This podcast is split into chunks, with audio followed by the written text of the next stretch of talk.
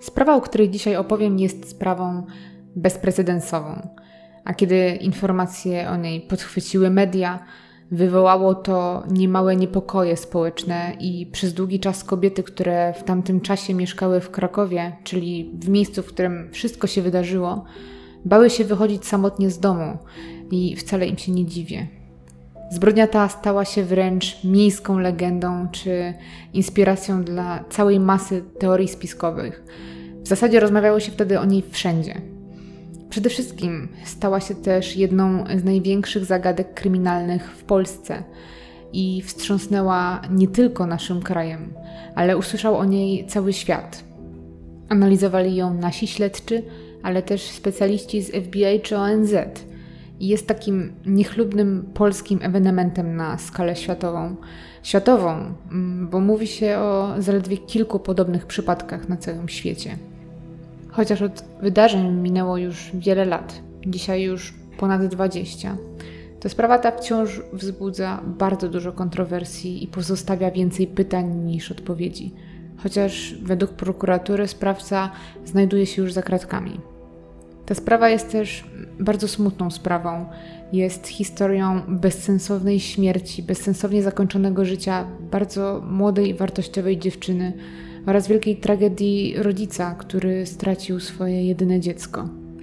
Osobiście śledzę tę sprawę od myślę dobrych 10 lat. Pamiętam 3 lata temu, jak na portalu internetowym ktoś, podejrzewam, że był to dziennikarz związany ze sprawą, napisał taki dość enigmatyczny i lakoniczny post o tym, że niedługo zostanie rozwiązana taka bardzo duża zagadka i wszystkie oczy całej Polski zwrócą się w stronę Krakowa. Wtedy od razu, dosłownie w pierwszym momencie wiedziałam, że chodzi właśnie o Kasię i Kuśnierza. I nie pomyliłam się. Jest pierwsza połowa lat dziewięćdziesiątych. W radiu słychać na okrągło świeży hit, jaką jest piosenka elektrycznych gitar o dzieciach, które wesoło wybiegły ze szkoły. Mają też miejsce pierwsze edycje Wielkiej Orkiestry Świątecznej Pomocy, a w kinach można zobaczyć m.in. film Psy w reżyserii Pasikowskiego. W tym czasie w Krakowie mieszka zupełnie zwykła dziewczyna, Kasia, która właśnie kończy liceum a niedawno, bo 1 czerwca, w Dzień Dziecka, obchodziła swoje urodziny. Kasia jest jedynaczką, mieszka w Krakowie na blokowisku w dzielnicy Prądnik Czerwony. Mieszka tam razem ze swoimi rodzicami, tatą Antonim, który pracuje w szkole, i mamą Bogusławą, która jest psychologiem i dziecięcym logopedą. Razem wszyscy w trójkę tworzą bardzo taką fajną, zgraną rodzinę Mimo, że nie są jakoś szczególnie majętni, to niczego w domu nie brakuje, a na pewno nie brakuje miłości. Kasia jest dosyć wysoką dziewczyną, bo ma ponad 1,70 m wzrostu. Jest do tego taka dosyć masywna, barczysta, e, ma też lekką nadwagę. Kasia ma bladą cerę, niebieskie oczy, takie naturalnie brązowe, kręcone włosy – jest osobą, która absolutnie nie rzuca się w oczy. Niektórym przypomina może trochę młodą Janis Joplin, co Kasia zresztą schlebia. Kasia nie lubi zwracać na siebie uwagi ani swoim zachowaniem, ani swoim wyglądem.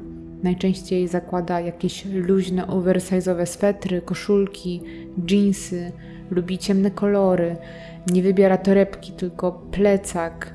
E, na nogach zawsze ma płaskie buty, bo tak jest wygodniej.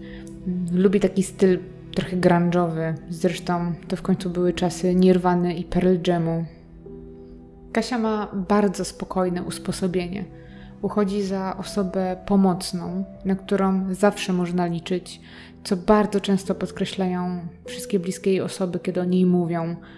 Jest też bardzo zamknięta w sobie i introwertyczna, skryta i nie ma zbyt wielu znajomych przyjaźni się w zasadzie z dwoma koleżankami z liceum, ale nie lgnie też do innych ludzi. Wydaje się, że to małe grono, jakie ma, w zupełności jej wystarcza. Ma za to świetny kontakt z rodzicami, co wcale nie jest takie oczywiste, zwłaszcza w tym wieku. Jest szczególnie mocno zżyta ze swoim tatą Antonim. Zresztą z mamą Bogusławą również świetnie się dogadują Potrafią godzinami dyskutować o obejrzanym filmie albo sztuce teatralnej, bo Kasia jest wręcz rewelacyjnym partnerem do ambitnej rozmowy, nawet dla ludzi znacznie starszych od niej. Ma szeroką wiedzę, jest inteligentna, bardzo oczytana. Wiedza przez cały okres edukacji wchodzi jej do głowy z łatwością. Uczy się w zasadzie z przyjemności, a nie z przymuszonej woli. Kasia kocha zwierzęta, marzy o tym, żeby mieć psa swojego własnego. Jednak rodzice nie zgadzają się na to, twierdząc, że to jest jednak duży obowiązek i nie do końca mają warunki, żeby takie zwierzę absorbujące trzymać w mieszkaniu. W ramach kompromisu zgadzają się na to, żeby zamieszkały z nimi papuszki nierozłączki, a Kasia jako osoba bezkonfliktowa zgadza się na ten kompromis y, i opiekuje się sumiennie zwierzakami, bo jest niezwykle odpowiedzialną osobą i słowną. Na liście rzeczy ważnych u Kasi jest też miasto, w którym mieszka, bo Kasia ewidentnie kocha Kraków. Ma w Krakowie swoje miejsca na mapie, które bardzo często odwiedza, po których często spaceruje. Jest jednym z takich miejsc przede wszystkim serce miasta, czyli rynek główny. Tam można ją chyba spotkać najczęściej. Jako, że Kasi znak rozpoznawczy to książki i jako, że je wręcz pochłania i wciąż poszukuje nowych lektur, zwłaszcza z gatunku fantazy, który jest jej zdecydowanie ulubionym, to z tej okazji regularnie odwiedza m.in. księgarnię hetmańską, która znajduje się w takiej bardzo klimatycznej kamienicy na samym rynku głównym w Krakowie. Co prawda nie ma już tej księgarni od kilku lat, zamiast niej znajduje się tam teraz y, restauracja, ale w tamtym czasie było to takie dosyć znane miejsce, często odwiedzane czy przez turystów, czy, czy przez miejscowych. W samym centrum znajduje się też kinopasaż, e, którego też Kasia jest bardzo częstym gościem, zwłaszcza, że e, lubi oglądać filmy, a jej ulubionym gatunkiem jest science fiction. W, tamtym, w tamtych latach nie brakowało filmów z tej tematyki, także było co oglądać. Do tego wszystkiego Kasia uwielbia muzykę. Ma swój jeden ulubiony, ukochany zespół Grateful Dead, który jest amerykańską kapelą, którą tworzą hipisi grają taki psychodeliczny rock. To zamiłowanie do muzyki prowadzi Kasię do sklepu muzycznego przy ulicy Szpitalnej, który również znajduje się praktycznie na samym rynku w Krakowie, oraz do klubu studenckiego pod Przewiązką, w którym to co każdą niedzielę między godziną 10 a 13 odbywa się giełda muzyczna. Tam e, Kasia chodzi regularnie razem z jedną ze swoich dwóch koleżanek, ponieważ Kasia kolekcjonuje muzykę, a konkretniej kasety i płyty z muzyką. I to nie tylko tego swojego ulubionego zespołu Grateful Dead, bo ma pokaźną kolekcję w swoim pokoju, wielu nagrań. Ma tam takich artystów jak Genesis, Enya, Kate Bush, Queen i w zasadzie całą masę innych, bardziej lub mniej znanych wykonawców. Kasia kocha też góry. I to nie tylko tak okazjonalnie, bo szczerze kocha piesze wycieczki po szlakach, to jest jej hobby, odskocznia od życia codziennego i faktycznie regularnie organizuje tam swoje eskapady. A jako, że z Krakowa w góry jest dość blisko, to bywa tam często. I tą pasją zaraża też swoich rodziców, którzy, jeżeli oczywiście pozwoli im na to czas i okoliczności, towarzyszą jej w tych wycieczkach. Pewnego razu Kasia po raz kolejny namawia swoich bliskich na wspólną wyprawę w góry i tym razem na szlak ruszają we dwójkę, Kasia i tata Antoni. Niestety ta wycieczka okazuje się bardzo pechowa. Podczas wyprawy ojciec Kasi ulega wypadkowi i upada ze skały, a upadek jest tak poważny, że łamie sobie kręgosłup. Przeżywa ten wypadek, jednak rozpoczyna on szereg problemów zdrowotnych i chorób, które zaczynają nękać mężczyznę i w konsekwencji tego dość niedługo po tym upadku w 96 roku Antoni Tatakasi umiera, mając zaledwie 49 lat i zostawiając Kasię i jej mamę same. Jest to dla Kasi ogromny cios, bo z tatą była połączona bardzo silną więzią i dodatkowo Kasia zwyczajnie w świecie obwinia się za tę śmierć. Ciągle zadaje sobie pytanie, co by było, gdyby nie zainicjowała tego wyjazdu i go nie namówiła na tą wycieczkę w góry, która tak bardzo tragicznie się skończyła. To poczucie winy i ból z powodu straty, z którym Kasia zupełnie sobie nie radzi, y, doprowadzają ją do depresji. Na swoim koncie ma nawet jedną próbę samobójczą, a przynajmniej o jednej dowiaduje się jej koleżanka, której Kasia się z tego faktu zwierza. Po śmierci taty Kasia też y, zauważalnie się zmienia. Była już wcześniej oczywiście wycofana i skryta, ale teraz zamyka się w sobie jeszcze bardziej, staje się taka refleksyjna. Do tego miewa okresy euforii, które przyplatają się z takimi stanami depresyjnymi Ogólnie Kasia staje się dużo bardziej smutną osobą niż była. W tym samym roku, w którym umiera tata Kasi, czyli w 96, Kasia ma 21 lat i podejmuje swoje pierwsze studia. Idzie w ślady swojej mamy i wybiera psychologię, ale nie grzeje tam długo miejsca, bo już po pierwszym semestrze rezygnuje z tych studiów, twierdząc zapewne, że nie jest to jej ścieżka. W następnym roku akademickim podejmuje kolejne studia. Tym razem wybiera historię i sytuacja się powtarza. Kasia nie kończy nawet pierwszego roku i studia rzuca.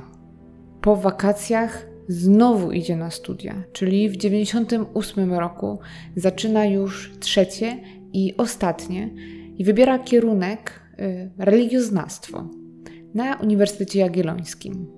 Na tych studiach nie nawiązuje żadnych nowych znajomości.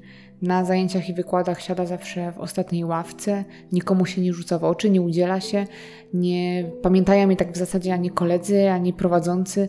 Jest takim duchem na tych zajęciach. Trzeba dodać, że w tamtych latach wcale nie było tak łatwo dostać się na studia, bo nie było tak jak teraz, gdzie mamy wyniki matur i z nimi możemy aplikować na wiele kierunków. Wtedy podczas rekrutacji e, liczyły się oczywiście oceny z matur, ale przede wszystkim istotne były egzaminy wstępne, które organizowane były przez uczelnie. I te egzaminy były dosyć trudne. Trzeba było wykazać się na nich szczegółową wiedzą z tematyki kierunku, na jaki się aplikowało. I ta wiedza nierzadko wykraczała poza materiał licealny. Zwłaszcza psychologia była wtedy kierunkiem, na który było trudno się dostać, a Kasia dostaje się bez żadnego trudu na aż trzy bardzo zróżnicowane kierunki i to za pierwszym razem. To jest naprawdę imponujące i duże osiągnięcie. Jest czwartek, 12 listopada 1998 roku. Kasia ma 23 lata i od kilku tygodni studiuje swój nowy kierunek religioznawstwo.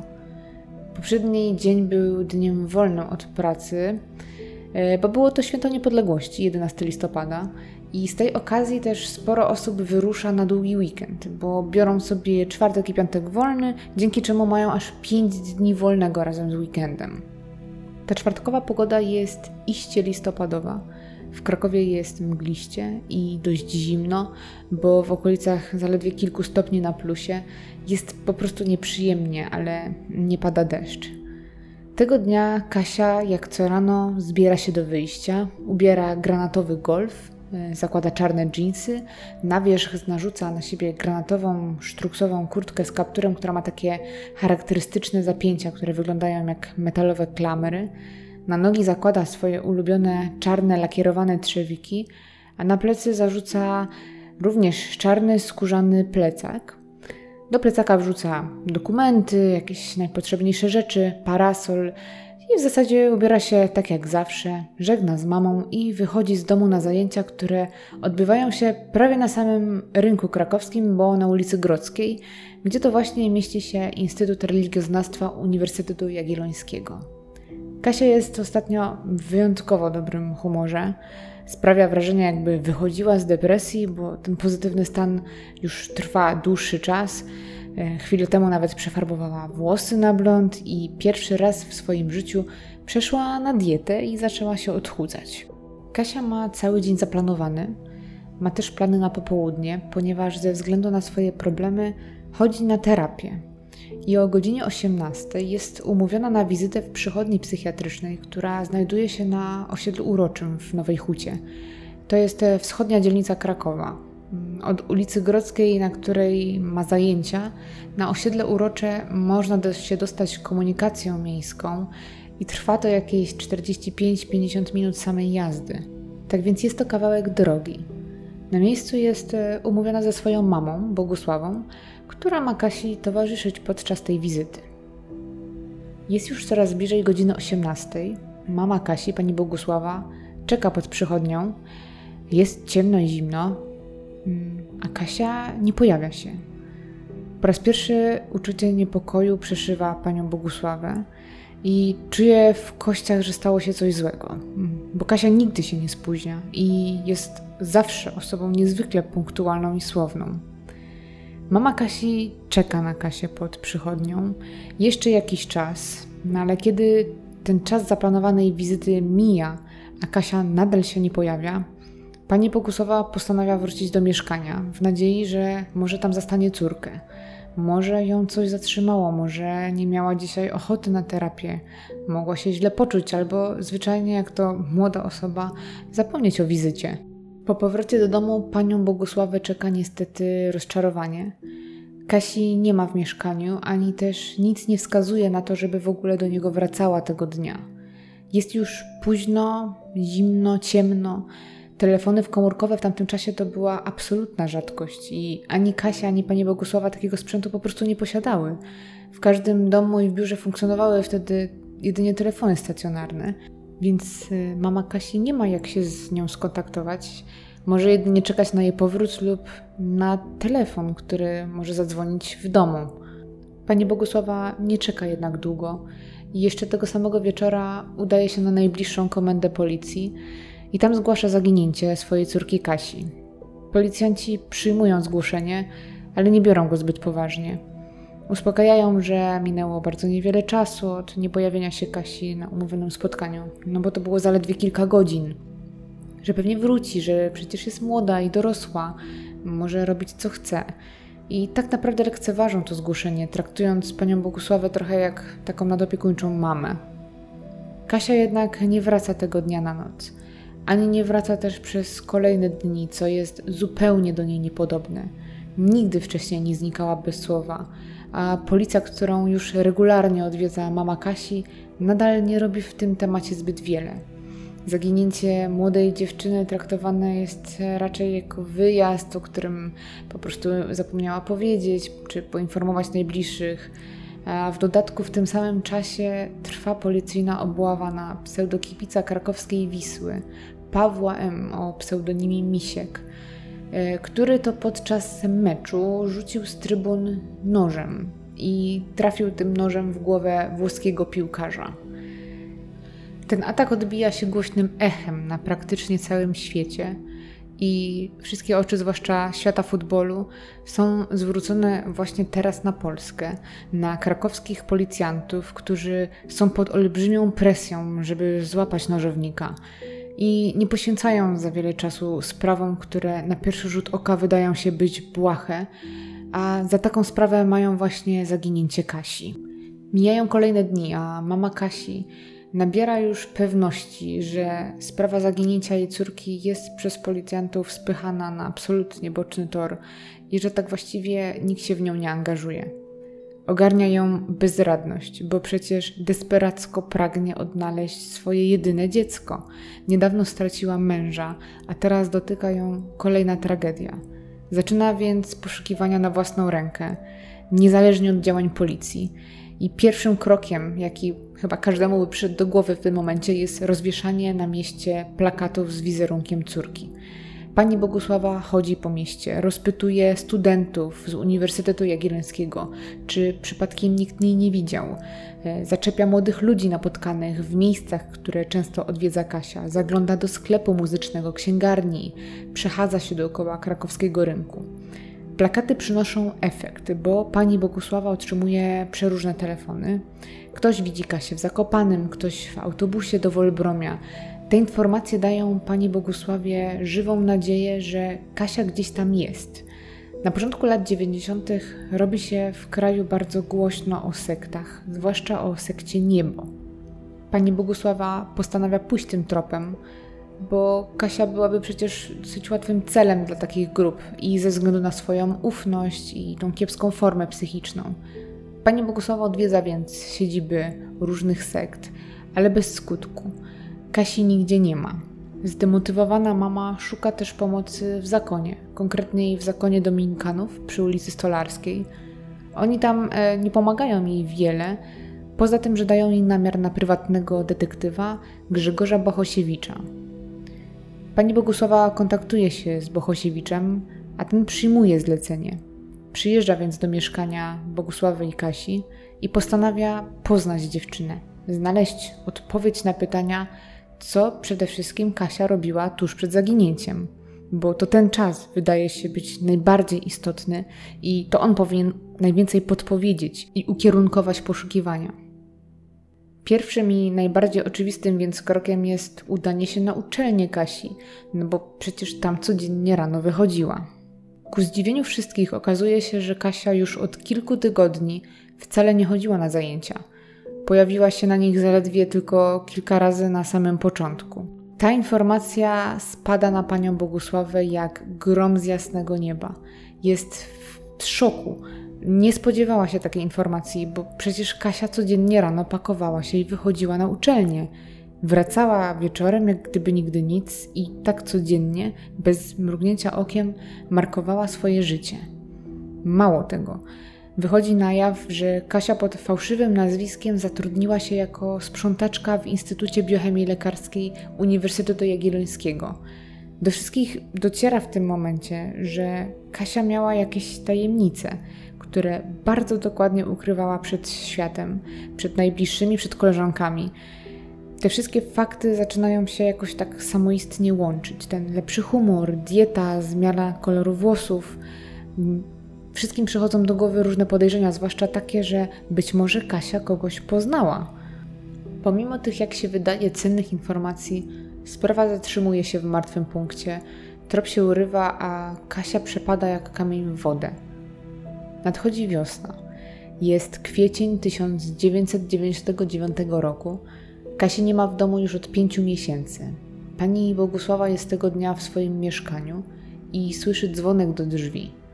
Otwiera je, a w progu zastaje policjantów.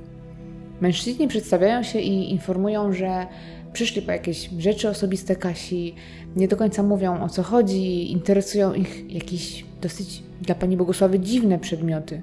Proszą o szczotkę do włosów, o grzebień, szczoteczkę do zębów. Niewiele mówią, po prostu zabierają rzeczy, które dostają od pani Bogusławy i znikają.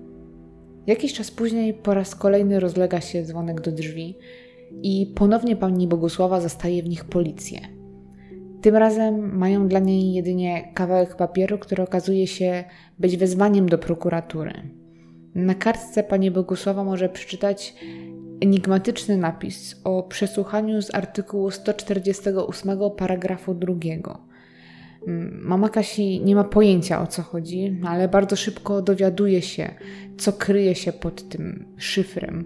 Mianowicie chodzi o morderstwo ze szczególnym okrucieństwem. Pani Bogusława zdaje sobie sprawę, że właśnie teraz prawdopodobnie dowiedziała się, że jej córka Kasia nie żyje.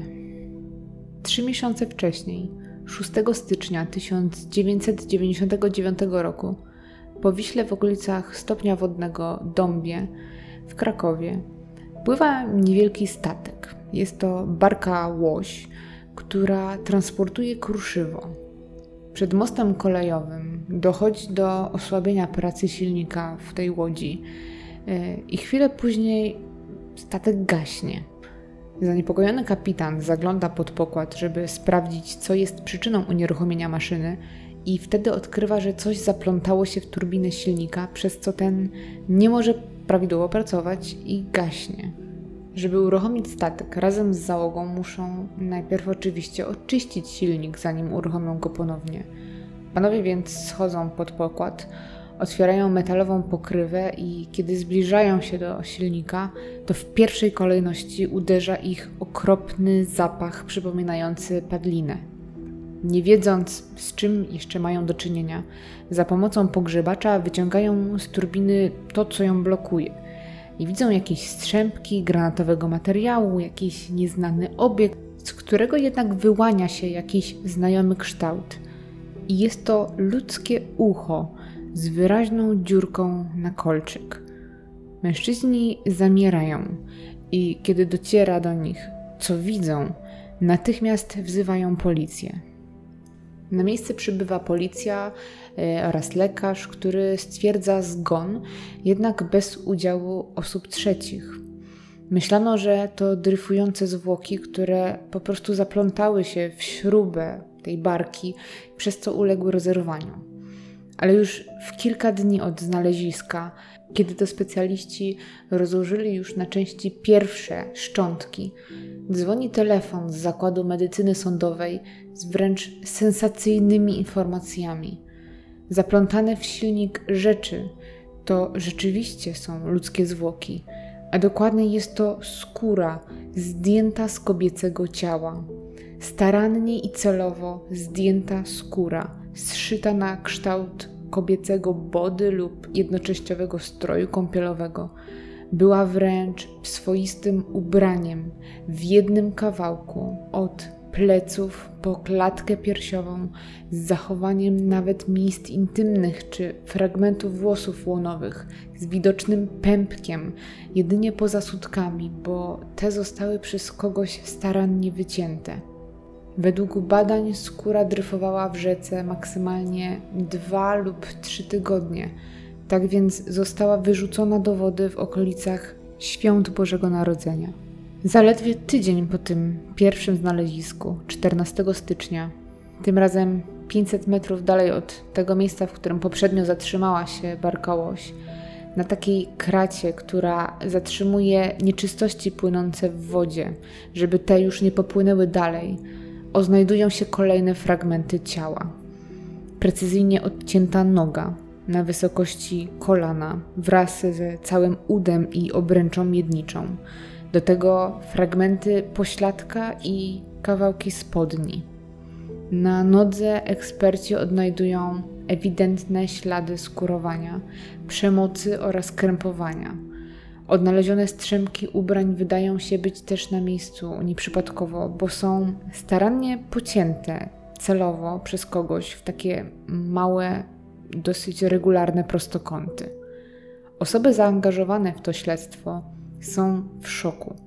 Specjaliści, policjanci, pracownicy zakładu medycyny sądowej wszyscy jednogłośnie stwierdzają, że to jest bezprecedensowe morderstwo i pomimo, że już wcześniej mieli przecież styczność z różnymi brutalnymi aktami, widzieli jakieś skalpowania, okaleczania, brutalne gwałty, to nigdy nie widzieli, żeby ktokolwiek kiedykolwiek posunął się tak daleko, by zdjąć ze swojej ofiary prawie całą skórę.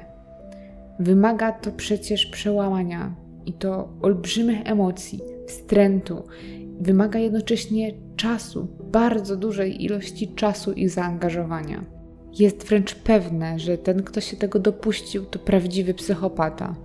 Rozpoczynają się więc gorączkowe poszukiwania, zwłaszcza, że zachodzi duże podejrzenie, że sprawca może powtórzyć swój czyn, o czym świadczy jego absolutny brak pohamowania.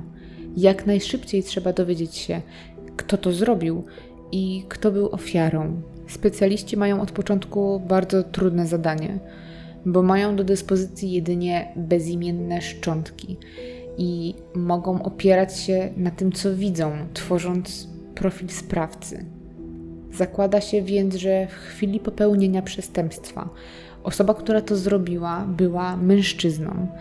E, mężczyzną w wieku około 22 do 35 lat e, i że był to wiek zbliżony do wieku ofiary.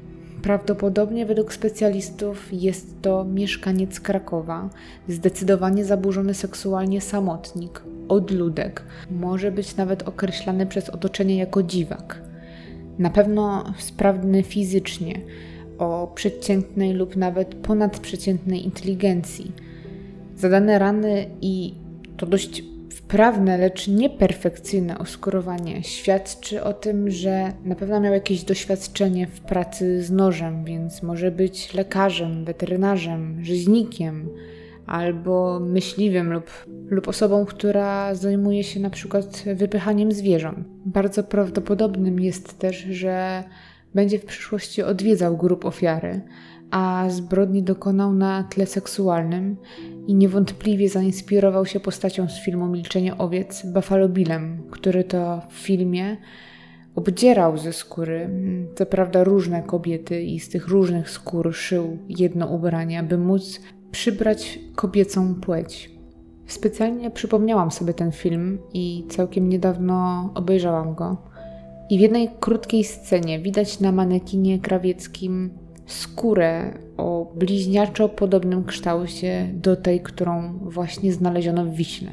Natomiast w finałowej scenie, gdzie Buffalo Bill umiera i upada na dywan, dywan ten jest zrobiony ze skrawków materiału bardzo podobnych do tych, które również znaleziono przy szczątkach, tych charakterystycznych pociętych prostokątów. Na podstawie tej ciężkiej pracy profilerów policjanci zaczynają przyglądać się mężczyznom, którzy pasują do tego opisu. Jest ich niestety wielu, a weryfikacja wszystkich tropów jest niezwykle żmudną pracą. Do zajmowania się tylko i wyłącznie tą konkretną sprawą oddelegowanych zostaje więc kilku śledczych, którzy to właśnie w tamtym momencie dają początek polskiemu archiwum X. Nowy zespół zabiera się za pracę i w kwietniu 1999 roku przeszukują bazę danych zaginionych osób, kobiet. Pobierają też próbki DNA ze szczątków, ponieważ mają zamiar wykorzystać nową wtedy metodę, która dopiero raczkuje w Polsce. Jest to identyfikacja zwłok z użyciem materiału genetycznego. E, żeby to badanie miało sens, najpierw muszą znaleźć materiał porównawczy do tego, który już mają w bazie i który pobrali ze szczątków znalezionych w Wiśle. W bazie zaginionych osób trafiają na wiele nazwisk, kontaktują się z różnymi rodzinami, odwiedzają ich najbliższych w celu zdobycia próbek porównawczych. I to właśnie wtedy policjanci wyruszają także do pani Bogusławy, po tą szczoteczkę do zębów i inne przedmioty osobiste Kasi. I to właśnie wtedy, w kwietniu, za sprawą jednych z pierwszych badań genetycznych w Polsce, wychodzi na jaw, że zdjęta skóra znaleziona w Wiśle należy właśnie do Kasi. Jest to niewątpliwy przełom, zarówno dla bliskich Kasi, jak i dla policjantów, bo wydaje się, że z tą informacją, kto jest ofiarą, powinno teraz być już łatwiej ale nic bardziej mylnego. Bo to tajemnicze życie Kasi, która to przecież ukrywała te wszystkie ostatnie tygodnie przed zaginięciem, jej skryta osobowość, tak naprawdę zatrzymują śledztwo w martwym punkcie. Nie ma żadnego punktu zaczepienia, w efekcie czego jeszcze tego samego roku, bo pod koniec 99, zaledwie rok po zaginięciu Kasi, śledztwo zostaje umorzone jest to wielki zawód dla prowadzących śledztwo policjantów, ale też ogromny cios dla pani Bogusławy, która absolutnie nie potrafi zrozumieć, dlaczego tak okrutny los spotkał jej ukochaną córkę i chciałaby znaleźć chociaż namiastkę ukojenia, na przykład w postaci ukarania sprawcy. Warto w tym miejscu dodać, że policja jest rozliczana z wykrywalności spraw Natomiast prokuratura ze spraw zakończonych, bez względu na to, jaki był skutek tego zakończenia, czy było to umorzenie, czy było to wykrycie sprawcy, dlatego zdarza się, że pomimo realnych chęci śledczych, prokuratura sprawę kończy.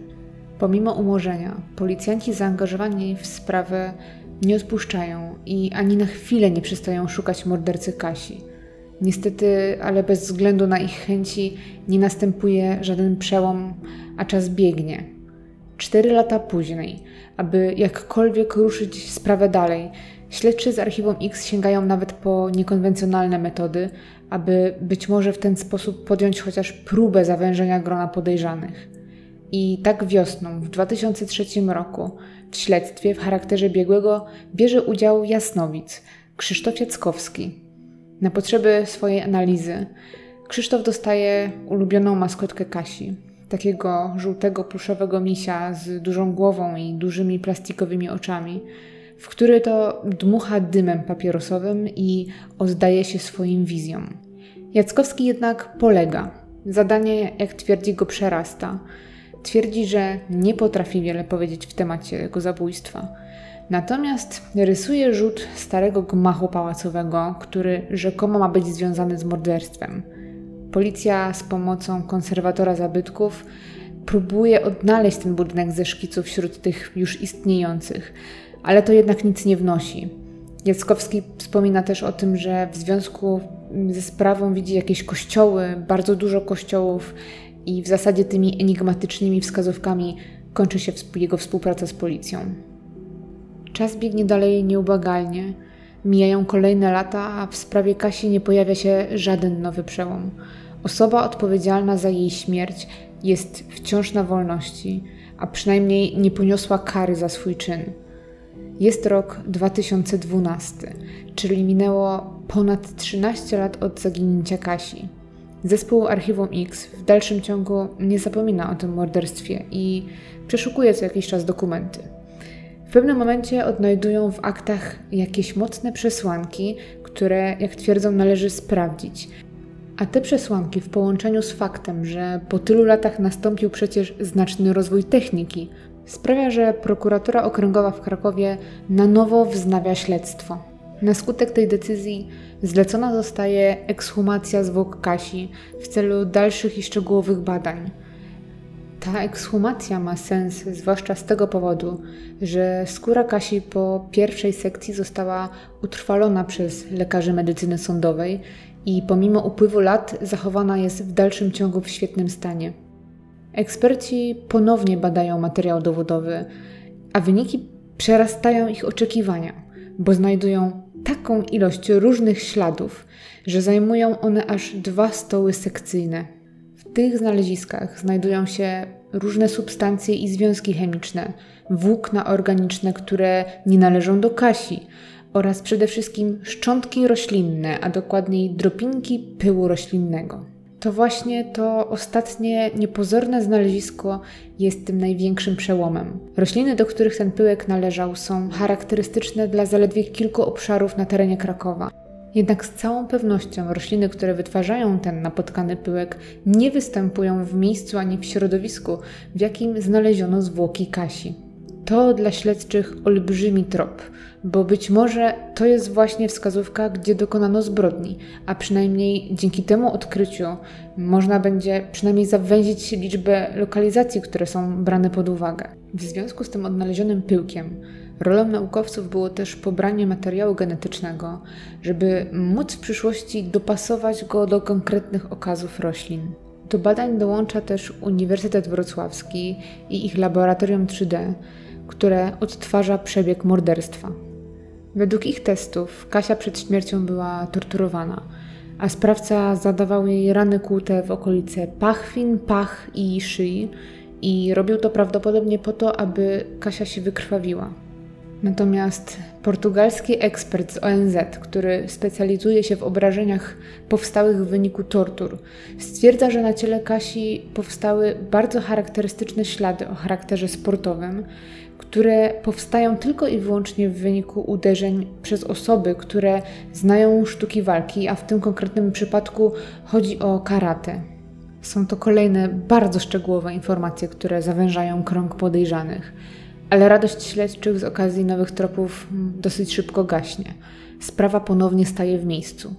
Na prośbę policjantów sprawie zaczynają przyglądać się też biegli z FBI, którzy zaczynają być już taką ostatnią nadzieją na świeże spojrzenie na sprawę. Wiele to jednak nie wnosi, a śledztwo przechodzi z rąk jednej prokuratury do rąk drugiej, aż ostatecznie w 2015 roku po raz kolejny zostaje umorzone. Przez te wszystkie lata nie zidentyfikowano sprawcy, nie znaleziono miejsca, w którym dokonano zabójstwa Kasi, nie odnaleziono nawet ciała Kasi, to znaczy pozbawionego skóry tułowia, jej głowy, rąk czy drugiej nogi. Sprawa wydaje się być beznadziejna. Jest 4 października 2017 roku. Za moment minie równe 19 lat od zaginięcia Kasi. Kilka minut przed 15 van pełen policjantów podjeżdża na sygnałach pod szklane drzwi budynku przy ulicy Trinitarskiej na krakowskim Kazimierzu i hamuje spiskiem opon. Zamaskowani agenci operacyjni wyskakują z samochodu i zatrzymują niskiego, krępego mężczyznę w średnim wieku, zupełnie niepozornego. Mężczyzna ma ścięte na jeża lekko siwe włosy, na sobie szarą puchową kurtkę, ciemne dżinsy i na nogach bardzo czyste i białe, zadbane adidasy. Na plecach natomiast ma czarno-pomarańczowy plecak. Mężczyzna właśnie odstawił rower pod ścianą i chciał po prostu wejść do budynku. To mu się jednak nie udaje, bo policjanci otaczają go i zapinają w kajdanki. Mężczyzna jednak bardzo spokojnie, bez emocji, bez żadnych pytań, oddaje się organom ścigania i bez słowa wsiada z nimi do auta. Tym mężczyzną jest Robert J. Tego dnia ma 52 lata, a w chwili zaginięcia Kasi miał lat 33. Na blisko 500 jawnych tomów akt. Nazwisko Roberta pojawia się już w pierwszym tomie. Na samym początku śledztwa był przesłuchiwany jako jedna z pierwszych osób w charakterze świadka. Robert jest inteligentny, sprytny i bystry. Jest też zamknięty w sobie, określany przez otoczenie jako samotnik i dziwak. Lubi filmy, z racji małego budżetu nie chodzi często do kina, ale mimo tego stara się raz na jakiś czas odwiedzić kino Uciecha lub kino Pasaż. Jest też audiofilem, uwielbia muzykę, zresztą sam składa swoje sprzęty muzyczne. Robert jest osobą, która nie miała ciekawego dzieciństwa. Hmm, kiedy przyszedł na świat, jego rodzice byli bardzo młodzi i studiowali. Oddali go więc pod opiekę niepracującej ciotki. Jednak ta dwa lata później umiera i opiekę nad Robertem przejmują jego dziadkowie od strony ojca. Robert wyprowadza się więc z Krakowa do jednorodzinnego domu dziadków, który znajduje się pod Wieliczką, czyli miastem pod Krakowem. Nowy dom Roberta to jednorodzinny dom pełen starych antyków, który mieści się w bardzo spokojnej okolicy tuż obok plebanii. Ten ślankowy obraz to jednak ułuda.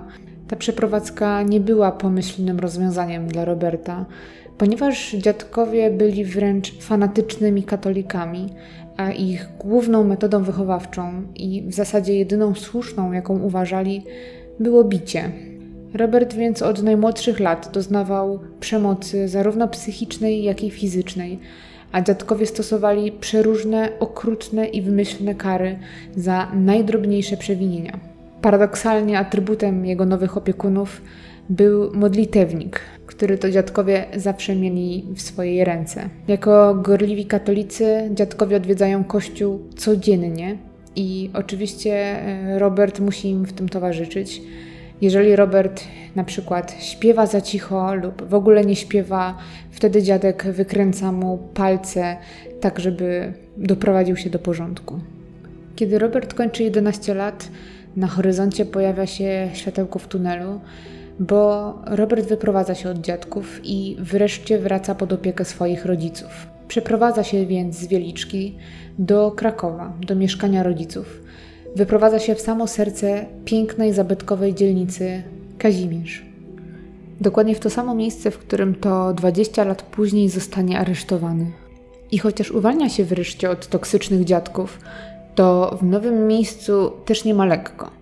Najwięcej przykrości spotyka go w szkole, gdzie bardzo wyróżnia się na tle swoich rówieśników. Nie uczy się też dobrze, jest uczniem problematycznym, często wpada w słowotoki, do tego bywa agresywny, nawet względem nauczycieli, nadużywa też przekleństw. W klasie natomiast Robert jest kozłem ofiarnym, rówieśnicy nie oszczędzają go, jest przez nich notorycznie wyszydzany, bity, a żeby chronić się przed kolegami, zdarza mu się nawet chować w szkolnych szafkach i spędzać tam bardzo dużo czasu. Mimo tych wielu nieprzyjemnych przeżyć, To właśnie w szkole Robert znajduje pewnego rodzaju ukojenie, a jest nim jeden nauczyciel, któremu to Robert regularnie się zwierza, któremu przynosi swoje pamiętniki, pokazuje nawet książkę, którą pisał. Traktuje tego mężczyznę jak swojego mentora, a ten z kolei, jak twierdzą inni pracownicy szkoły, ma do Roberta również dużą słabość i odwzajemnia te sympatie. Mężczyźni zresztą utrzymują e, wciąż kontakt lata później. Kiedy Robert kończy obowiązkową edukację, staje się dorosły, odbywa obowiązkową służbę wojskową w prosektorium, a także w jednym z instytutów Uniwersytetu Jagiellońskiego. E, z instytutu zostaje jednak e, dosyć szybko wyrzucony po tym, jak zrobił przedziwną rzecz, a mianowicie zabił wszystkie króliki doświadczalne, które należały do tej uczelni. Jest to jeden z wielu takich dziwnych i niezrozumiałych epizodów w życiu Roberta. W pierwszej połowie lat 90. mama Roberta przeprowadza się do Kanady, głównie w celach zarobkowych, a Robert zostaje w Krakowie i wtedy też w wieku 26 lat po raz pierwszy trafia do psychiatry. A powodem tego jest to, że jak twierdzi, słyszy głosy. Lekarz diagnozuje Roberta i stwierdza u niego chorobę psychiczną z epizodami paranoidalnymi, i z tego też tytułu Robert otrzymuje rentę, która staje się od tego momentu jego jedynym źródłem utrzymania. Matka Roberta dosyć szybko dowiaduje się o jego stanie zdrowia i zapewne z troski postanawia go sprowadzić do siebie. Tak też się dzieje. I Robert wylatuje do Kanady na aż 7 lat i wraca w 1998 roku, kiedy ma 33 lata. Robert wraca do zostawionego przed latem mieszkania, w którym mieszkał zanim się wyprowadził. Dowiaduje się też wtedy, że jego rodzice się rozwodzą, że jego ojciec, który jest krakowskim poetą, wyprowadził się i odszedł do innej kobiety. Robert jest tym faktem bardzo sfrustrowany, bo pomimo, że nie jest już dzieckiem, to ten rozwód rodziców bardzo go dotyka i zaburza pewnego rodzaju ład w jego specyficznym świecie. Żeby jakoś sobie poradzić z tymi dręczącymi go myślami i emocjami, Robert zaczyna desperacko szukać kontaktu z ludźmi, a zwłaszcza z kobietami. Bardzo chce stać się bardziej atrakcyjny dla otoczenia. Zaczyna z tego powodu chodzić na solarium, a swoje negatywne emocje wyładowuje ćwicząc i szczególnie lubi podnosić ciężary. Zresztą od zawsze był wysportowany. Swojego czasu intensywnie trenował karate. Ta jego aktywność towarzyska staje się jednak problemem, mm, bo Robert nagabuje wręcz kobiety, głównie swoje sąsiadki. Zwierza im się, bywa natarczywy, niektóre podgląda, innym pokazuje swoje półnagie zdjęcia i przychwala się swoją sylwetką. Opowiada o tym, że bardzo chciałby mieć kobietę. Fantazjuje o cechach idealnej partnerki, że powinna być blondynką, dziewicą, być posłuszna i nosić francuską bieliznę. Opowiada o różnych kobietach, z którymi rzekomo ma kontakt, przynosi jakieś listy od nich, które one podobno pisały do niego. Niektóre te listy są wręcz bardzo brutalne. Robert zresztą w ogóle lubi się ze słowem pisanym. Sam prowadzi osobiste notatki, gdzie znajduje się między innymi wiele imion i nazwisk różnych kobiet, a razem z nimi ich adresy. Wysyła tym kobietom listy, często wulgarne. Te incydenty trwają latami a Robert dzięki nim zapracował sobie na pseudonim Dziwak z Kazimierza. Rok powrotu Roberta do Polski to nie inaczej jak ten sam rok, w którym zaginęła Kasia. Tuż po powrocie z Kanady, żeby poprawić swoją sytuację finansową, Robert zaczyna dorabiać sobie pracując dorywczo w sukiennicach. To jest taki bardzo charakterystyczny zabytkowy budynek na samym rynku głównym w Krakowie. W listopadzie 1998 roku, kiedy Kasia przepada bez śladu, Robert wciąż tam dorabia, a jego matka nadal przybywa w Kanadzie, przez co Robert mieszka w mieszkaniu na Kazimierzu sam. W grudniu, kilka tygodni po zaginięciu Kasi, ludzie z otoczenia Roberta zauważają zmiany w jego zachowaniu. Zauważają przede wszystkim, że ten nagle staje się bardzo religijny, co wcześniej wcale nie było do niego podobne. Robert zaczyna odwiedzać codziennie kościół Bonifratrów, który znajduje się dosłownie minutę drogi od jego mieszkania i tam bardzo aktywnie uczestniczy w życiu wspólnoty kościelnej. Inni wierni, którzy nawet nie znają go osobiście, doskonale go kojarzą, bo nie tylko jest czynnym pomocnikiem, ale ma w kościele swoje stałe miejsce, czyli pierwszą ławkę po lewej stronie. Jednak zawsze dookoła niego z pewnych powodów jest puste miejsce. Nie jest to przypadek. Wynika to z tego, że Robert modli się niezwykle gorliwie i żarliwie. Do tego jest bardzo głośny i mocno gestykuluje. Takie zachowanie nie tylko rzuca się w oczy, ale też zwyczajnie w świecie przeszkadza innym wiernym, e, może nawet przeraża, dlatego inni w większości unikają bliskiego sąsiedztwa z nim. Także na początku tego nawrócenia, zimą, Robert przeprowadza generalny remont w swoim mieszkaniu. Przede wszystkim skupia się na łazience, w której to skuwa całą glazurę i układa ją na nowo. W 2003 roku do mediów przedostaje się informacja o tym, że w śledztwie zaangażowany jest także Jasnowic, Krzysztof Jackowski. A Robert kilkukrotnie odwiedza grup Kasi, który znajduje się na cmentarzu Prądnik Czerwony, który miejscowi nazywają cmentarzem batowickim. Skąd wiadomo, że Robert tam był? Bo policja jakiś czas wcześniej powiesiła nad grobem Kasi kamerę, która uchwyca Roberta, który nie tylko pojawia się nad grobem, ale zapala na nim znicz, kładzie kwiaty i zakopuje coś w ziemi. Jak się okazuje, były to listy adresowane do Kasi. Lata później Robert powie mediom, e, że nie znał Kasi, ale zapytany o ten fakt, dlaczego w takim razie chodził na jej grób, zapyta tak zaczepnie, a co, nie wolno? Swojemu ojcu wyjaśnił, że dopiero wtedy dowiedział się, co Kasię spotkało i że zwyczajnie w świecie jej współczuł, że tak cierpiała i to był jedyny powód, dla którego pojawił się tam. Według ojca Roberta, Robert pojawił się także u mamy Kasi, która go przegoniła. A to pojawienie się zarówno u mamy Kasi, jak i na grobie e, było według ojca Roberta prowokacją i sugestią policjantów, którzy nakierowali Roberta na ten krok. Pomimo tych kilku niejasności, wszystko zaczyna układać się wręcz perfekcyjną całość i bez wątpliwości Robert jest jak taki idealny, brakujący puzzle w tej układance. A opis, który już przecież lata temu został stworzony przez profilerów, zdaje się, że wreszcie został dopasowany do realnie istniejącej osoby i to bezbłędnie.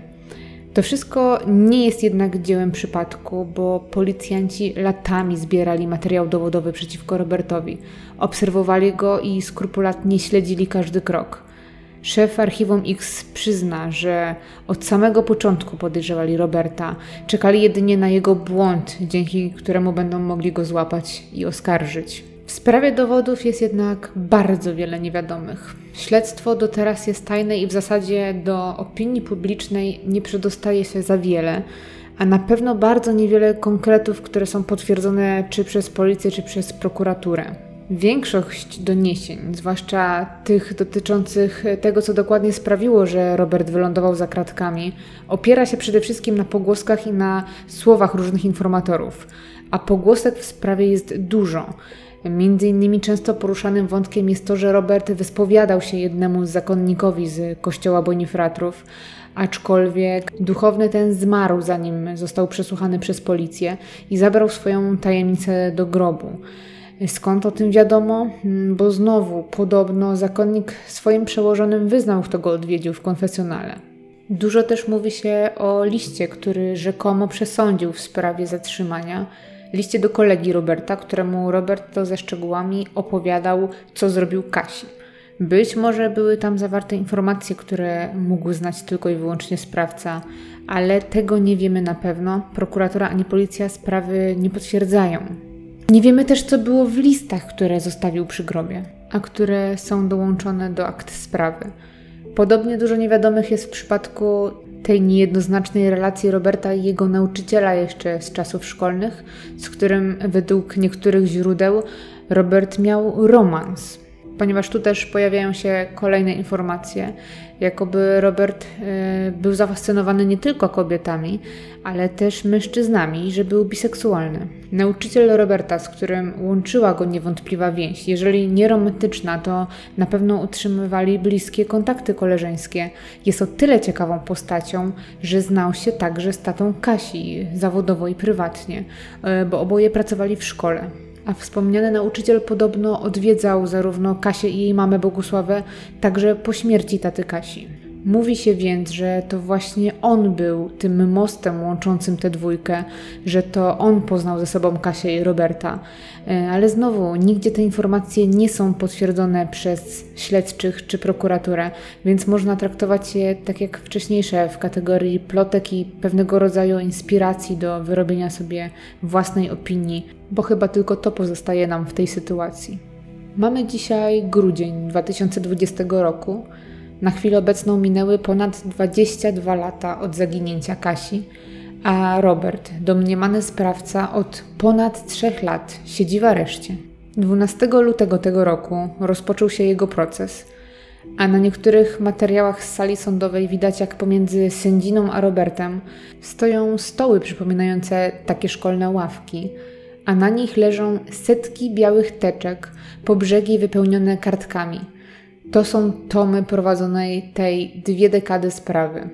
Sam akt oskarżenia liczy blisko 800 stron, co jest olbrzymią liczbą, a taki akt oskarżenia zawiera wszystko to, co zdaniem prokuratury i śledczych Robert zrobił Kasi, a razem z tymi oskarżeniami znajdują się popierające je uzasadnienia. W akcie czytamy, że Robert stosował przemoc fizyczną, i pozbawił Kasię wolności i wbrew jej woli, odurzając ją środkami chemicznymi, przytrzymywał w stanie bezbronności. Następnie Kasię torturował, zarówno fizycznie, jak i psychicznie, a w skład przemocy fizycznej wchodziły ciosy w postaci kopnięć, bicie i ranienie, zarówno twardym narzędziem jak sztanga lub talerz kulturystyczny i narzędziami ostrymi, np. nożem, a ostatecznie pozbawił Kasię życia, jej ciało oskurował i poćwiartował.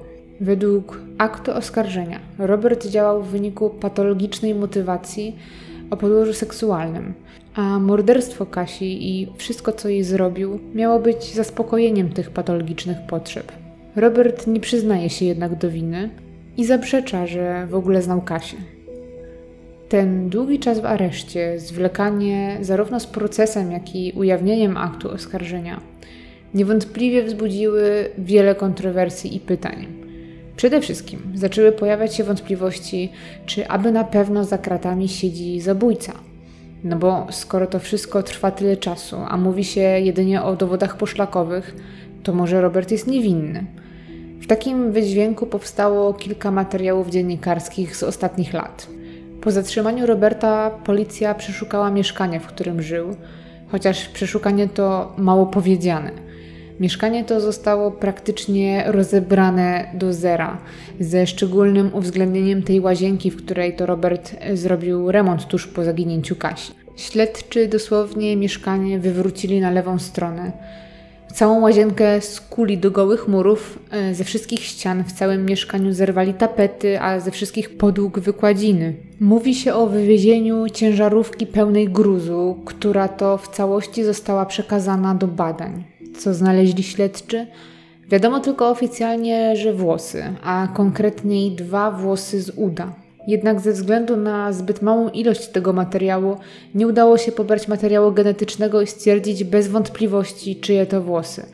Przeprowadzona została tylko lub aż analiza mikroskopowa, czyli takie wzrokowe porównanie włosów i na podstawie opinii biegłej wyznaczonej do tego zadania stwierdzono, że znaleziony materiał pasuje do włosów Kasi. Wiele osób poddaje jednak wątpliwości, czy taka analiza aby na pewno jest miarodajna. Na pewno to badanie DNA rozwiałoby wszelkie wątpliwości, jednak według policjantów e, jest ono niemożliwe do wykonania. Jako miejsce zabójstwa Kasi Prokuratura typuje ogródek działkowy niedaleko lotniska w Balicach, a ogródek ten należy do pana Janusza, który jest poetą, podobnie jak tata Roberta, i jednocześnie dawnym znajomym rodziny Roberta. Dlaczego myślą, że tam? Bo Robert według śledztwa był widziany tam minimum dwa razy, a przy okazji rosną tam rośliny, jakich szczątki znaleziono na ciele Kasi, a o których była mowa wcześniej jako tych, co występują tylko w określonych rejonach Krakowa. Chodzi o konkretny gatunek sosny. Z powodu podejrzeń prokuratora, że to jest właśnie to prawdopodobne miejsce zabójstwa, działka zostaje gruntownie przeszukana, zarówno na zewnątrz, jak i wewnątrz, bo znajduje się na niej taki murowany domek letniskowy. Policjanci przeszukali działkę za pomocą georadaru, zapewne w poszukiwaniu ewentualnych nieodnalezionych szczątków Kasi. Osuszono oczko wodne, które było na terenie posesji. Przekopano fizycznie teren. W samym środku domu letniskowego skuto posadzkę, strop, czy nawet zebrano larwy owadów z okien. Pobrano też oczywiście próbki roślin z ogrodu, by móc je porównać z tymi, jakie znajdują się w materiale dowodowym oraz pobrano ze skrobiny farby z budynku. W reportażu TVN właściciel posesji nie ukrywa tego, że zupełnie nie zgadza się z wizją prokuratury, jakoby na jego terenie doszło do jakiegoś morderstwa i nie kryje też niezadowolenia z tego, jak dość brutalnie i bez poszanowania własności potraktowano jego teren i jego rzeczy. Pan Janusz zresztą sam musiał udzielać licznych wyjaśnień, czy przechodzić kilkakrotnie badania na wariografię, ze skutkiem, jak się wydaje, żadnym. Także duże wątpliwości i zastrzeżenia do organów ścigania, do prokuratury ma też sam obrońca Roberta.